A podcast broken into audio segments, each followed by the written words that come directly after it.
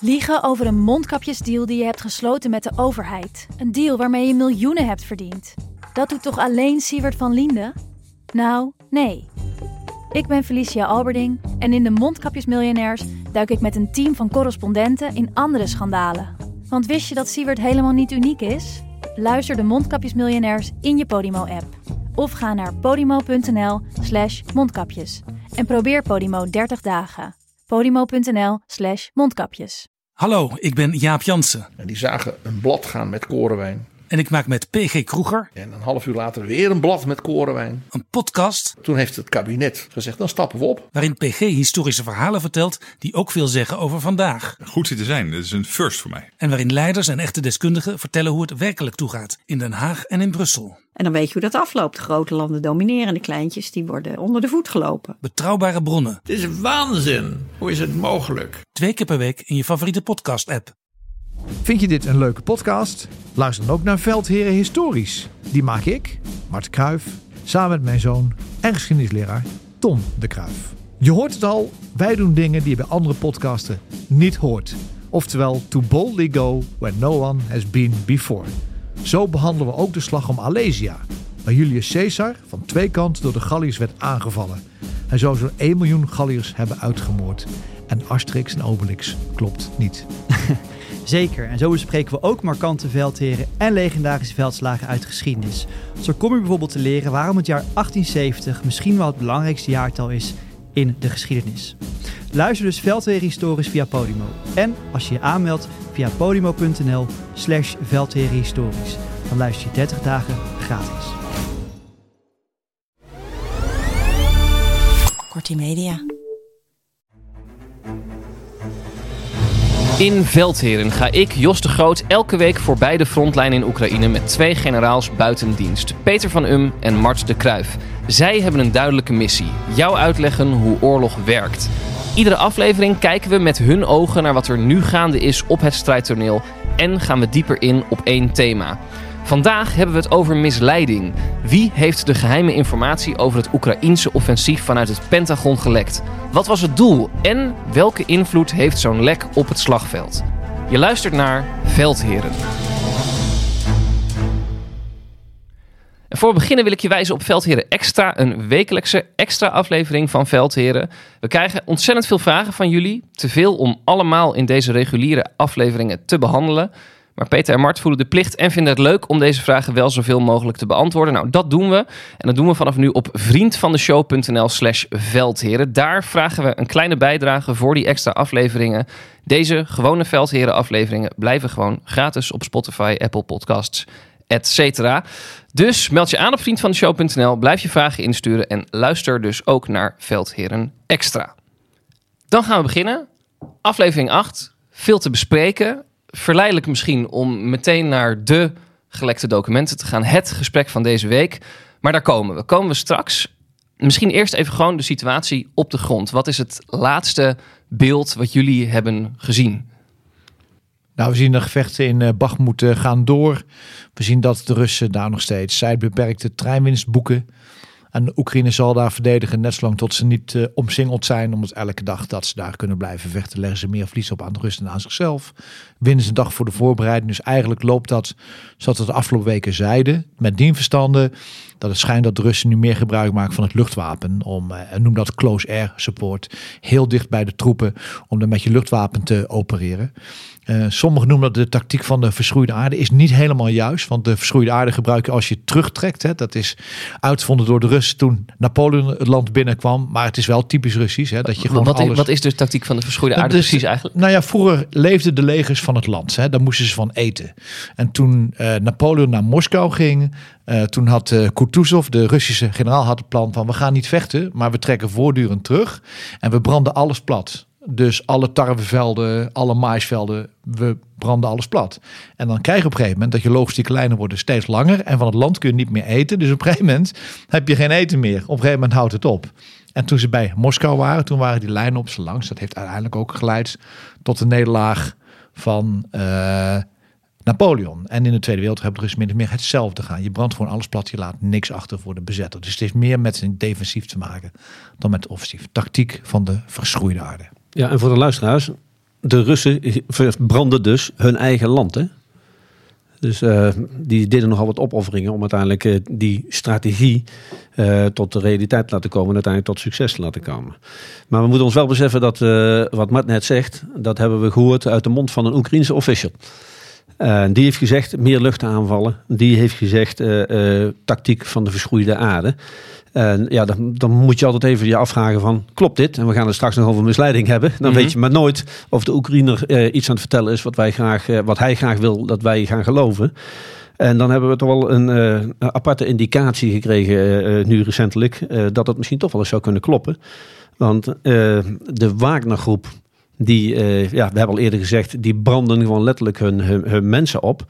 En Prigozhin, de baas daarvan, heeft nu ook toegegeven dat er was een open brief. En die is echt van hun, heeft hij zelf gezegd. En in die brief zeggen ze eh, eh, van mensen kom alsjeblieft als vrijwilliger bij ons werken. En we betalen beter als het leger. Dus je krijgt van meneer Wagner dadelijk zo'n omgerekend 2700 euro per maand. En dan kun je nog een bonus krijgen als je succes hebt. En in ieder geval, we hebben net eh, weer eh, nieuws gezien eh, of gehoord. In ieder geval heb je een mooie garantie dat je in een massagraf eindigt. Ver van je familie. Dus de Wagner zit, heeft een tekort aan Hij grondpersoneel. betaalt beter dan het Russische leger. hè? Ja, ja, ze betalen zo'n 500 tot 700 euro beter dan uh, dat je soldaat wordt in het uh, Russische leger. Dat is natuurlijk uh, de aantrekkelijkheid. Uh, meneer Wagner uh, kan niemand verplichten. Nou, we hebben net ook uh, begrepen dat uh, de Russen ook uh, moeite hebben om mensen binnen te krijgen. En dat ze nu uiteindelijk ja, hun, hun dienstplicht of een mobilisatiesysteem zelfs digitaal willen gaan maken. Zodat je niet meer kunt zeggen dat je de brief niet thuis hebt gehad. Maar dat geeft wel aan dat er behoefte is aan grondtroepen. En als je niet met grondtroepen vooruitkomt, dan is het een logische vervolgstap dat je toch je luchtwapen weer meer gaat inzetten.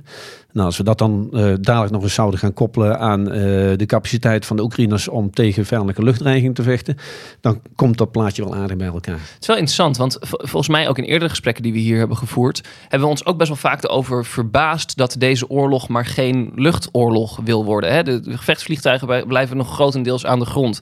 Is dat dit dan een moment dat dat misschien toch zou kunnen gaan veranderen? Nee. Nee.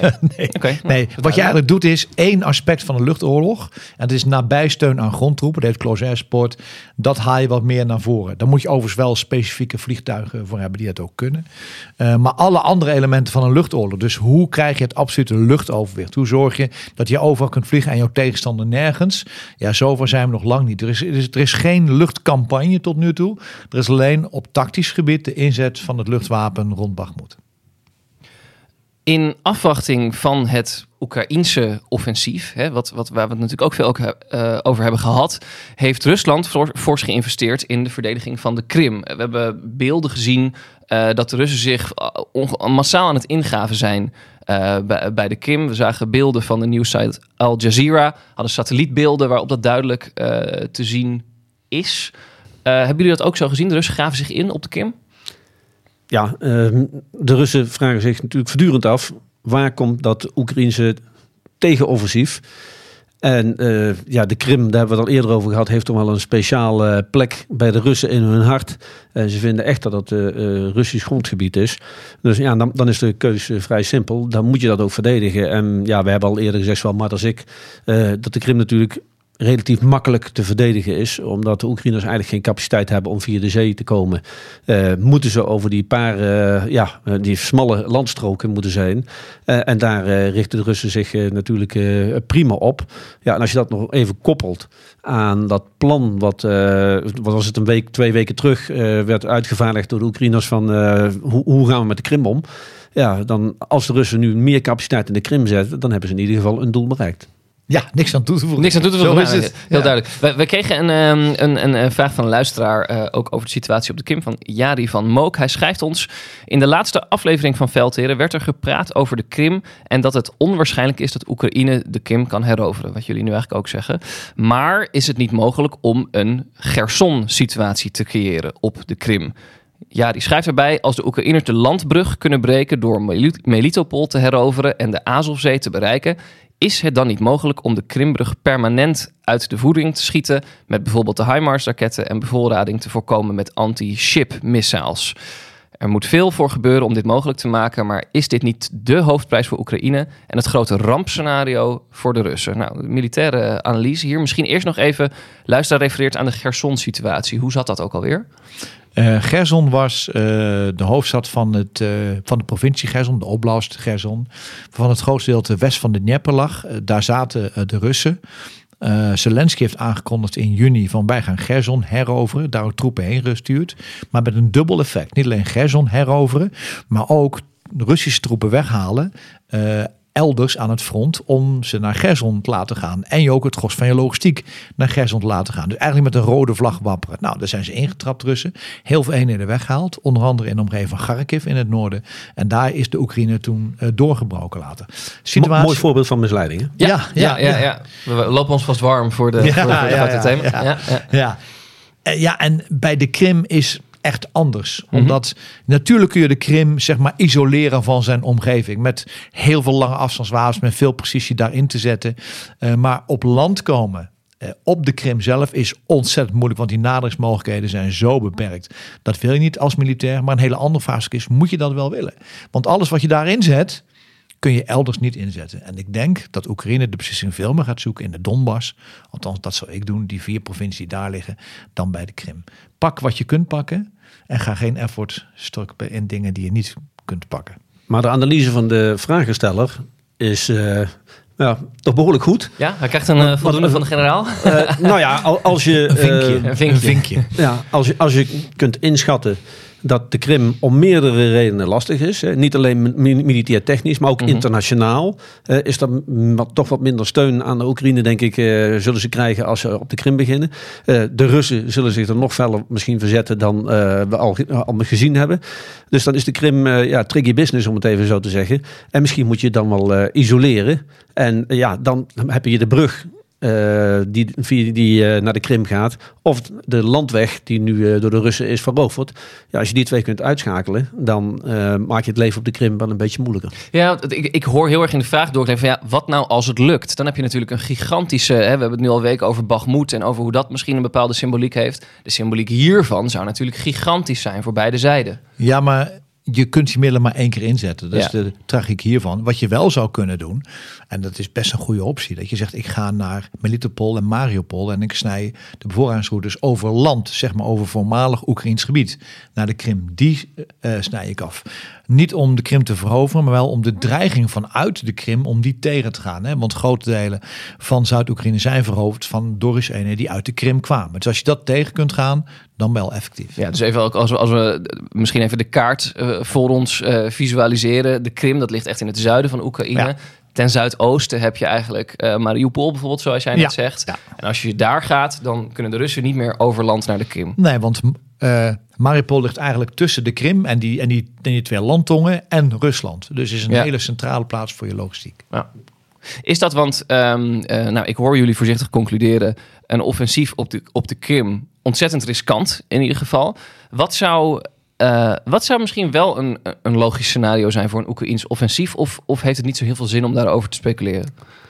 Nou, ik vind het in ieder geval uh, jammer als we daarover gaan speculeren. Mm -hmm. laat de Russen nou uh, maar lekker hun eigen ding doen. En laat zij maar bedenken uh, waar de Oekraïners uiteindelijk hun offensief gaan inzetten. En ehm, ik heb geen behoefte om met de bespiegeling van de Nederlandse generaal de Russen wijzer te maken. Ik zou het zonde vinden als ik dan gelijk had. Ja, zo. Dat zou, ja, zou, dat zou, ja. dat zou, zou een, ja, vervelend zijn voor de Oekraïners.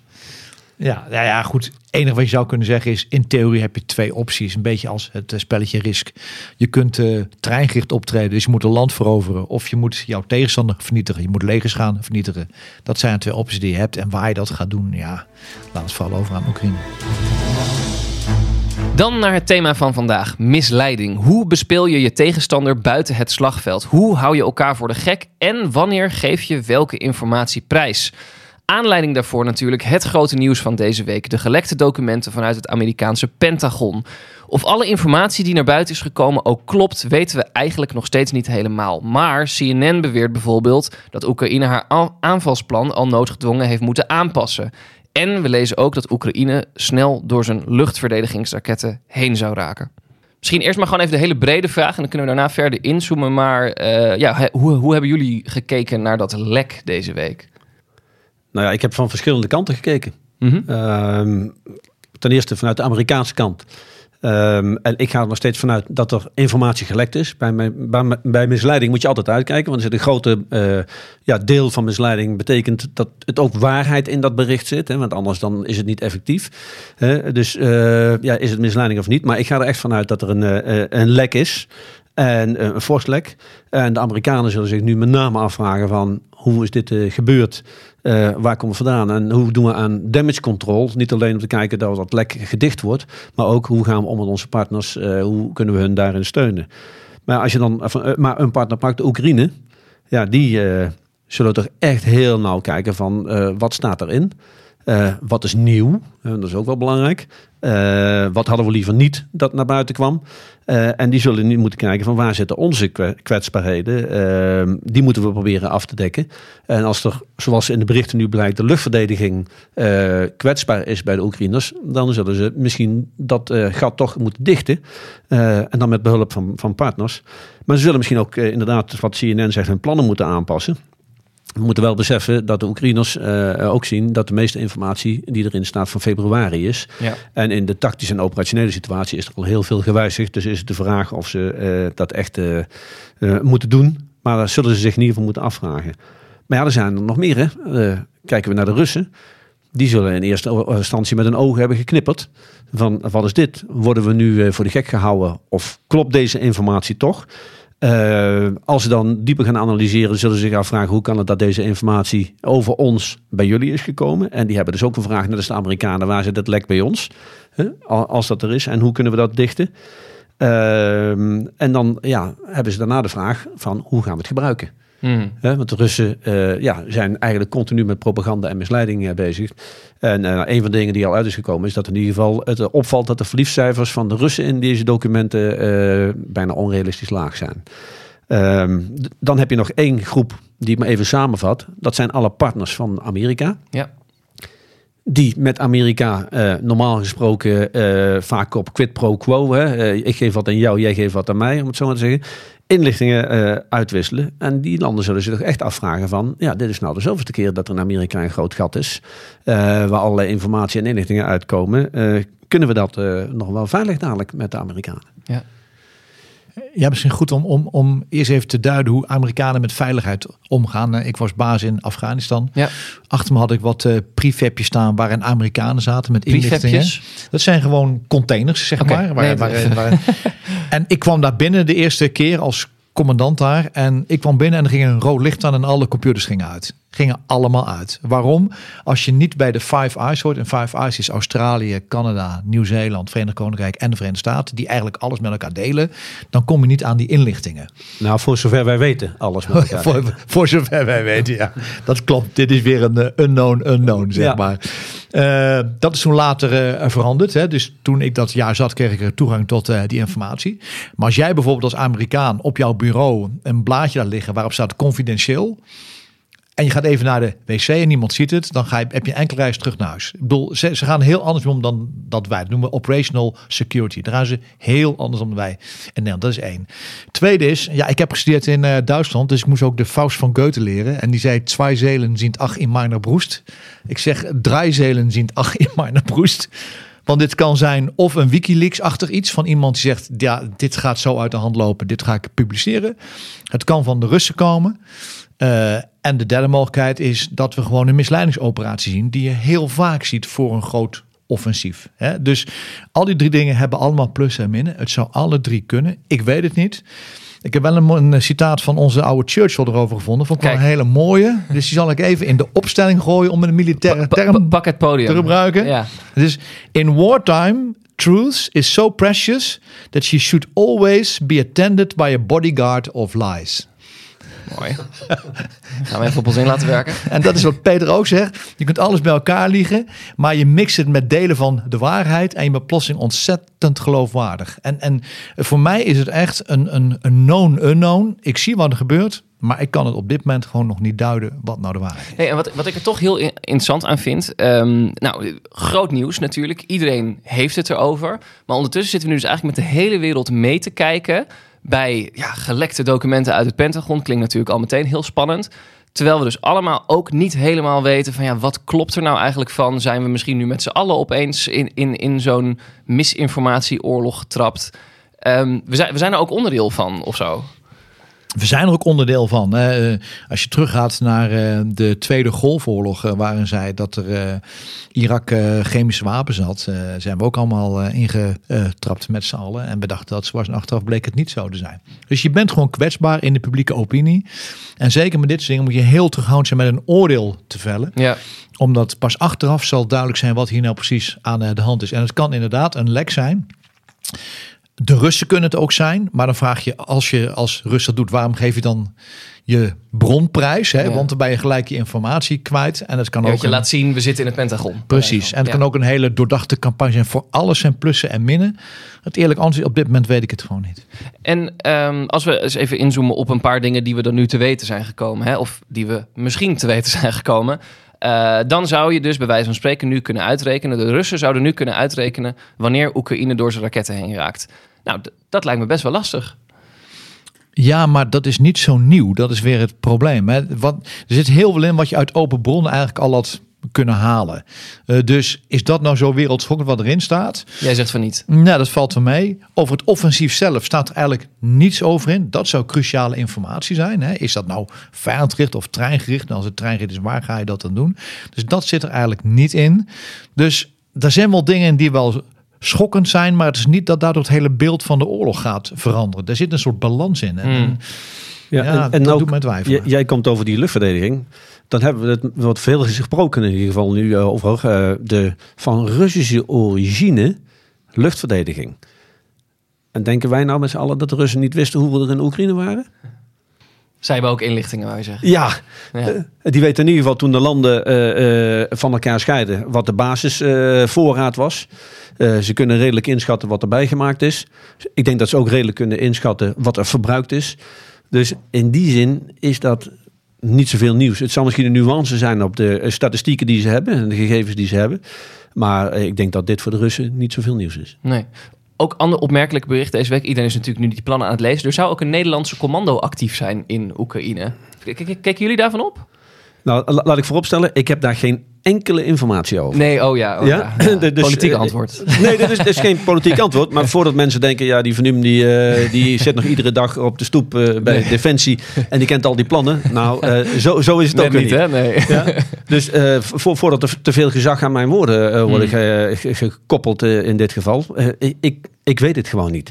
Maar ehm, dat een commando in functie door Defensie daar naartoe gestuurd is, lijkt mij, eh, nou, we hebben een mooi woord voor, palingpittig.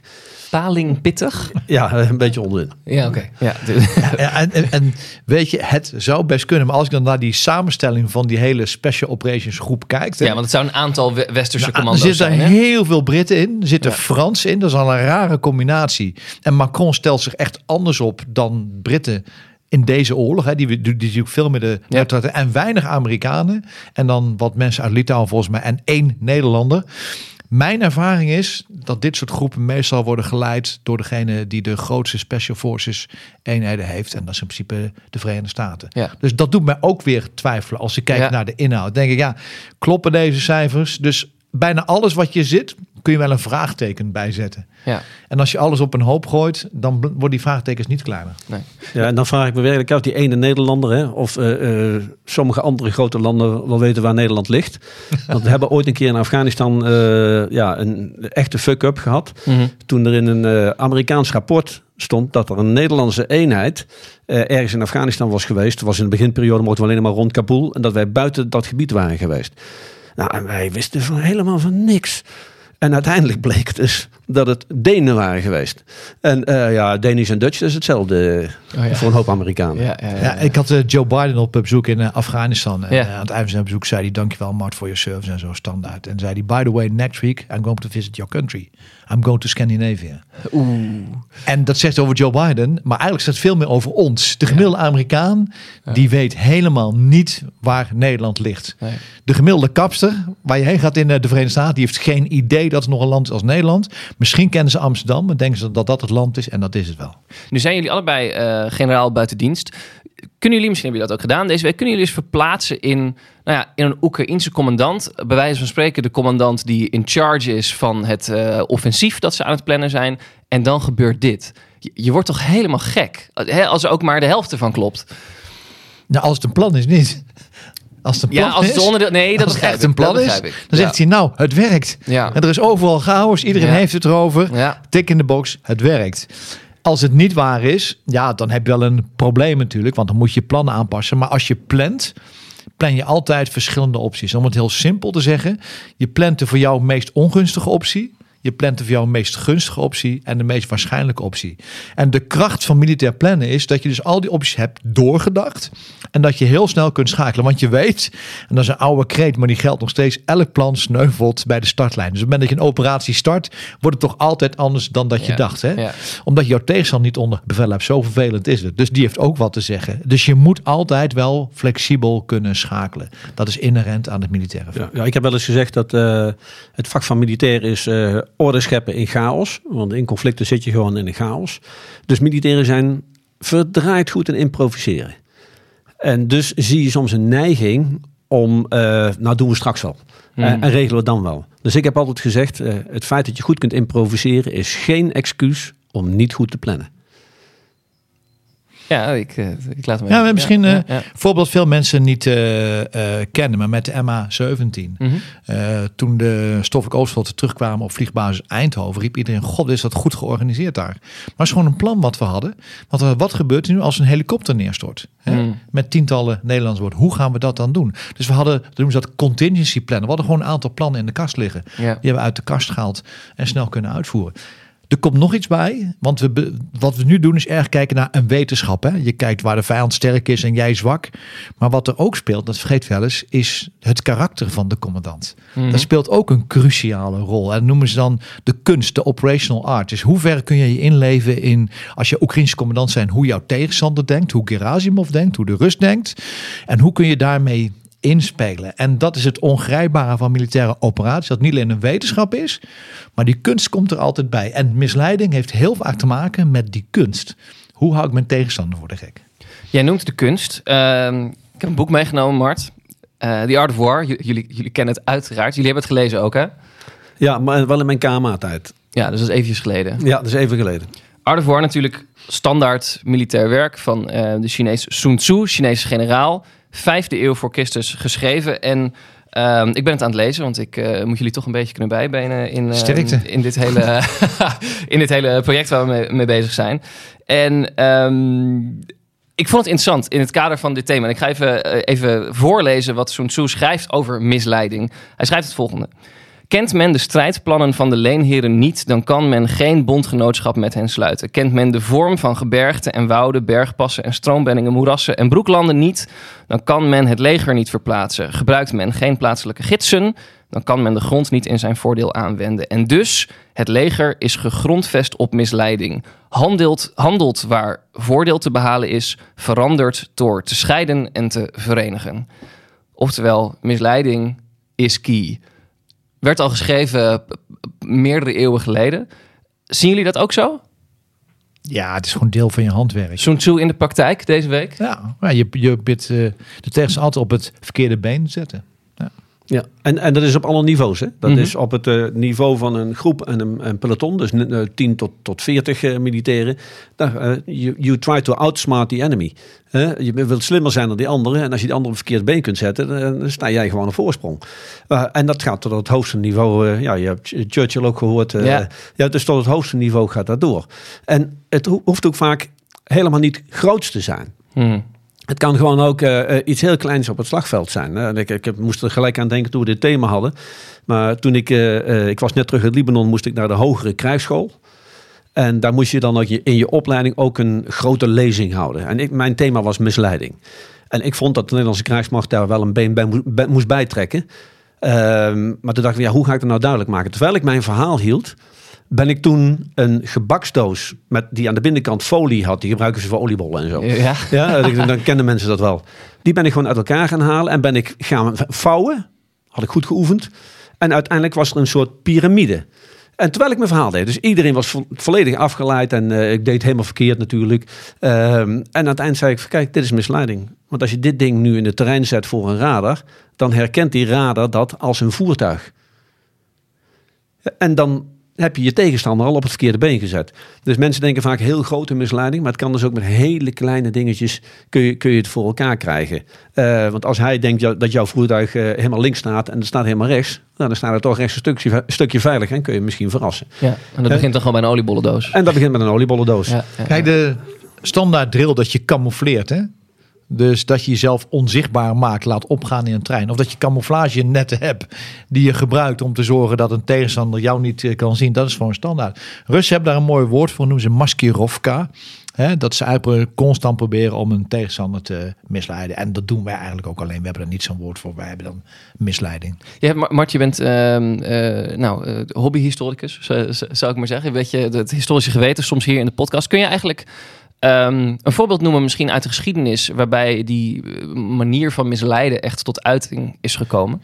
Ja, laten we de niveaus maar eens even nagaan. Als we op het strategische, het politieke niveau beginnen, is natuurlijk het pact tussen Van Ribbentrop en Molotov tussen Rusland en Duitsland voor de aanval op Polen is een schoolvoorbeeld van aardige misleiding. Want heel weinig mensen wisten dat, hè, dat Polen eigenlijk in tweeën gedeeld zou worden. Tweede Wereldoorlog zijn we nu. Tweede Wereldoorlog. We kennen natuurlijk allemaal wel het paard van Troje. hè. Dan zijn we ietsje verder terug in de tijd. zijn we Ja. ietsje verder. Maar het laat zien hoe tijdloos misleiding is. En Je Ja. laat een paard staan. Je hebt een aantal strijders in eh, een paard zitten. Je hebt een vloot achter de horizon die klaar is om weer terug te zeilen naar eh, Carthago. En hup, Carthago valt. Dus Ja. dat, dat dingen zijn er.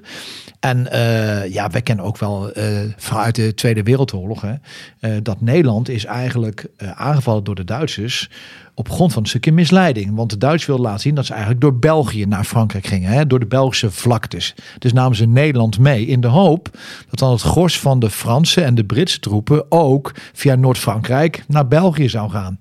Maar dat deden de Duitsers echt niet, want ze gingen door de Ardennen heen. Sun Tzu zegt, de trein hè, dat bepaalt. Ardennen is geen lekker trein om met grote eenheden doorheen te rijden. Maar als je daar geen tegenstand hebt, dan kan het wel.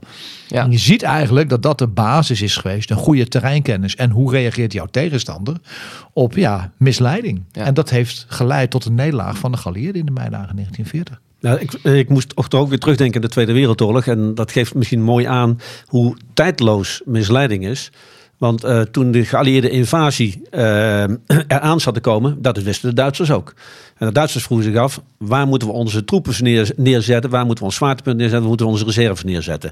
Nou zou het voor de geallieerden natuurlijk leuk zijn als die allemaal op de verkeerde plek zouden zitten. En ook nog op het verkeerde tijdstip.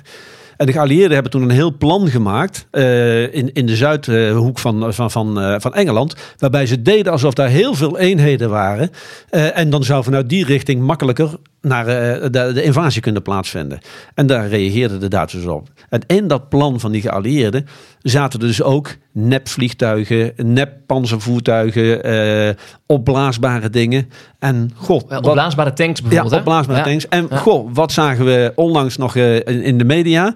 Ja, dat er een Tsjechisch, meen ik, eh, bedrijfje is... die weer allerlei opblaasbare militaire voertuigen maakt... eh, voor de Oekraïners als misleiding. Je ziet, Het gebeurt nog steeds. het gebeurt nog steeds. Ja. Operatie Bodyguard voor de intimie. Trouwens, eh, het gebeurt ook wel eens andersom. Dat je helemaal niet misleidt. Hè? Bijvoorbeeld de, eh, de strijd om eh, de Grebberg in de meidagen 40. Dat was de sleutelpositie voor het Nederlandse leger.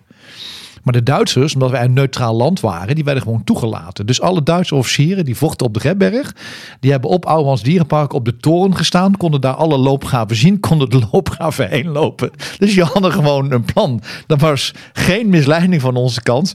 En dat werkte dus En ook in niet. drie dagen viel de Gebberberg. Het is eigenlijk nog een wonder dat we daar drie dagen hebben gevochten. Waarbij de Duitse doorbraak in Frankrijk eigenlijk binnen drie uur kwam. Dus niks te nadelen van dit soort mensen. Maar misleiding zat dus helemaal niet in ons denken toen.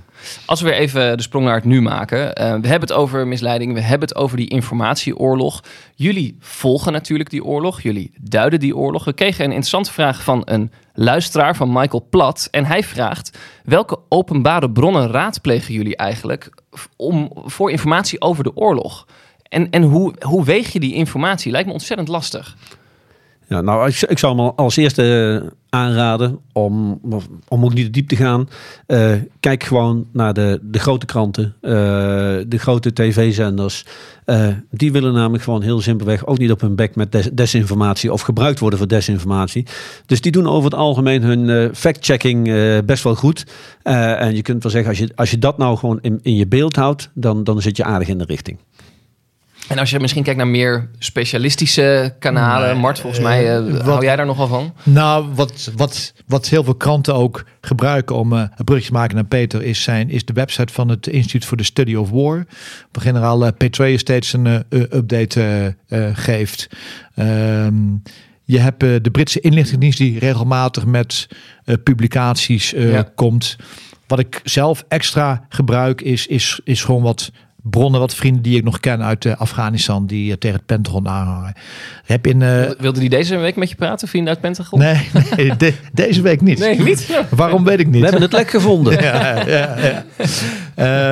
Je hebt ook in de Duitse krijgsschool waar ik heb mogen studeren, heb je ook een aparte denktank die vooral de plek van de eenheden, grote eenheden bijhoudt. Dus dat helpt ook wel. En er is een hele goede denktank in Engeland, die heet RUSI, RUSI. Die is gekoppeld aan Whitehall, aan het Britse ministerie van Defensie, waar veel uh, Britten zitten. En die analyse klopt ook wel. En mocht ik er echt niet uitkomen, dan kan ik altijd nog even bellen met uh, het ministerie van Defensie of zij wel iets weten. Ja, precies.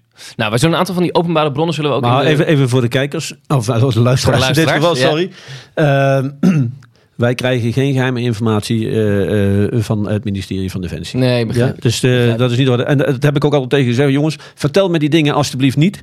Want uh, ja, dan uh, loop, kom ik misschien een keer in de verleiding of ik verspreek me een keer. Dus dat wil ik helemaal niet weten. Nee. Wij zullen een aantal van die openbare bronnen uh, in de beschrijving van de podcast um, zetten. Dan kunnen mensen die erin geïnteresseerd zijn, die zelf ook opzoeken.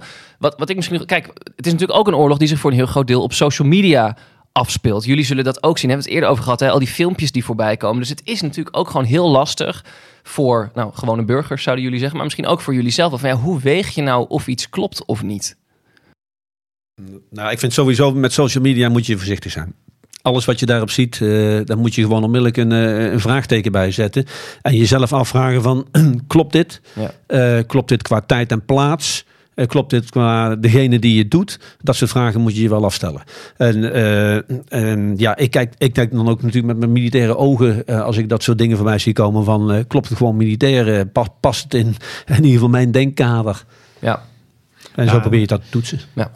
Ja, zo uh, kijk ik er ook naar. En, en, ik, en wat er nu gebeurt op het slagveld is eigenlijk drie, vier weken geleden zag ik dat aankomen. Dus ik kijk veel meer naar hoe zit het in de planning? Waar staan die grote eenheden? Dan om mijn oordeel te baseren op wat zie ik nu. Ja. Wat overigens wel heel interessant als je praat over operational art, over die kunst is. Hoe vreet je in in de tegenstander? Wat de Amerikanen deden in de Tweede Golfoorlog is dat ze een red team hebben gemaakt. Dus dat waren zeg maar een tiental uh, jonge majoors die heel slim waren. Die hebben ze in een ruimte gezet. Helemaal afgesloten van Amerikaanse informatie. En zeggen jullie zijn nu Saddam Hussein. Ga maar nadenken wat je gaat doen.